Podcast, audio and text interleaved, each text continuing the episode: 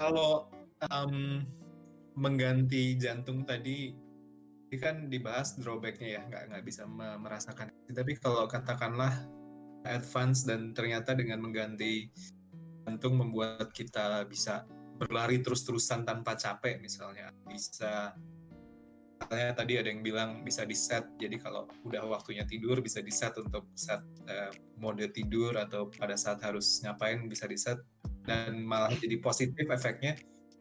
Kan pengen nggak? Kalau aku pribadi sih nggak pengen ya. Tergoda. Aku jujur tergoda khususnya tergoda di bidang sih. olahraga.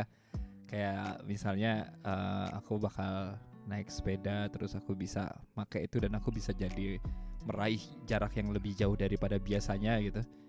Dengan waktu yang lebih singkat itu aku jujur tergoda. Tapi uh, dari diri sendiri aku aku tahu itu ngecheat jadi aku kayak aduh aku nggak pengen tergoda jadi aku nggak nggak nggak mau sih make kayak gitu. Itu pertanyaan bagus bung. Saya malah yeah. jadi berpikir rasa sakit itu kan ada untuk memberikan sinyal ya sinyal batas.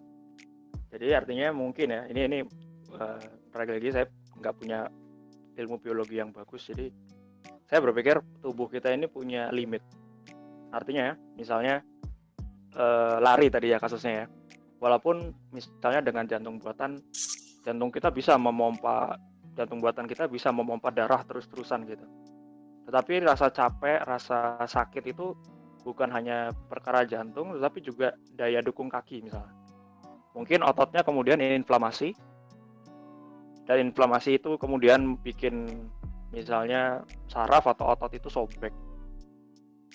Jadi kalau kita berpikir tentang apa posibilitas kita bisa misalnya lari terus-terusan atau uh, bisa mengatur regulasi yang sifatnya artificial saya jadi khawatirnya atau kalau saya berhayal gitu ya jangan-jangan nanti ada batas yang saya langgar yang mana tubuh saya nggak sanggup mengikuti lari terus-terusan atau naik sepeda terus-terusan dengan cepat. Ah, yeah. mungkin otot saya nggak terbentuk untuk itu. Yang ada kaki saya kemudian putus urat atau tendonnya sobek atau apalagi pendarahan terus kemudian jadi lumpuh kan gitu.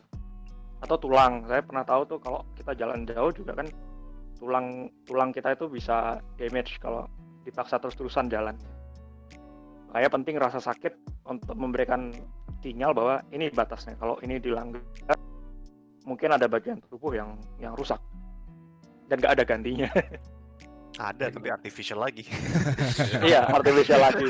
Terus lama-lama kita ganti-ganti terus semuanya. Kita jadi, jadi cyborg. 100% Wah, ini Bung Beben banget. Disertasinya Bung Beben tentang robot loh. Yeah. Oh iya?